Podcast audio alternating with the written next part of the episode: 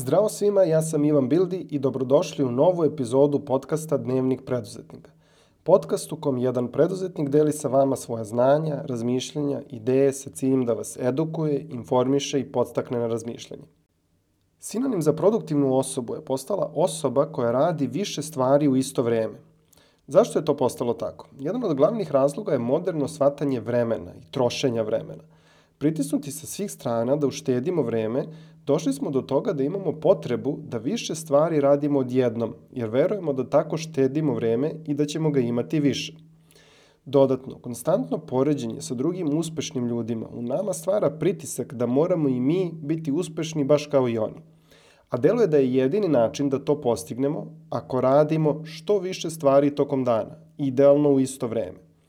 Međutim, to ne može biti dalje od istine. Multitasking je najveći neprijatelj produktivnosti i nevidljivi rasipnik vremena.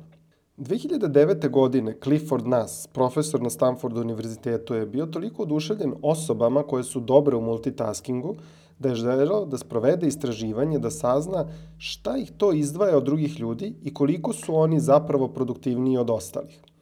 Istraživanje je sproveo na 262 studenta, postavljajući im pitanja prvo da sazna koliko često multitaskuju. Kad je dobio rezultate, studente je podelio u dve grupe, na one koji često multitaskuju i one koji reti, redko multitaskuju.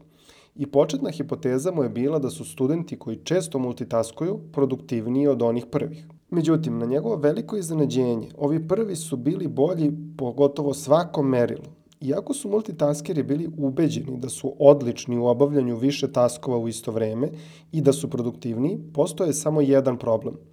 To je bila potpuna zabluda. Zapravo su bili lošiji u svakom pojedinačnom tasku i ukupno su bili manje produktivni. Da se razumemo, možete da radite dve stvari u isto vreme, ali ne možete da budete fokusirani na dve stvari u isto vreme. Možete da šetate i pričate telefonom ili vozite auto i slušate muziku – ali ne možete da radite dve stvari koje iziskuju dubog fokus, kao što je pričanje telefonom i pisanje izveštaja recimo, ili slušanje podcasta i gledanje televizije. Ako vam je potreban visoki fokus, onda možete da radite samo jednu stvar. Recimo, pričate sa kolegom dok se vozite, ali kada treba da se paralelno parkirate na knap mesto, prestaćete sa razgovorom. Ako pričate telefonom dok hodate i neko vam kaže nešto što vas iznenadi, iziskuje da duboko shvatite i obratite pažnju na to što je rekao, verovatno ćete se zaustaviti na par sekundi pa nastaviti dalje posle sa hodom.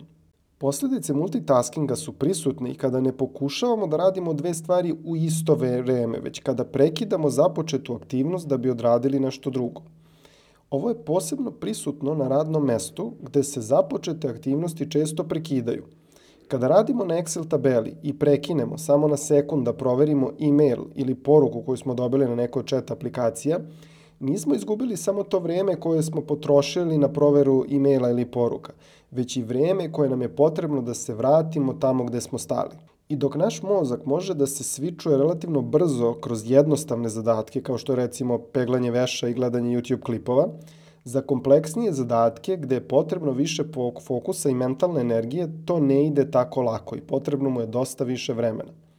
Kada pišete važan e-mail i kolega vas prekine da mu pomognete oko zaglavljenog štampača, vreme koje vam je potrebno da se vratite u fokus, da nastavite pisanje e-maila, može biti duže od vremena koje ste potrošili na odglavljivanje štampača.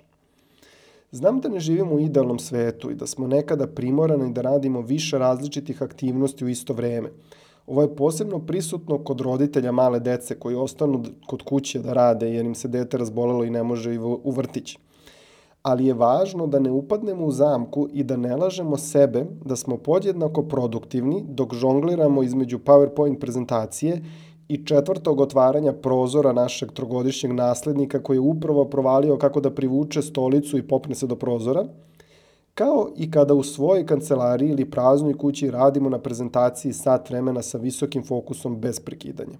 Gotovo svi mobilni telefoni sada imaju mogućnost da telefon stavite u fokus mod, prilikom čega će ostati aktivne samo one aplikacije koje su vam važne – A budimo realni, jedino je važno da ostavite mogućnost primanja hitnih poziva od pojedinih ljudi. Ni posao, a sasvim sigurno ni svet neće propasti ako budete dos, nedostupni sat vremena.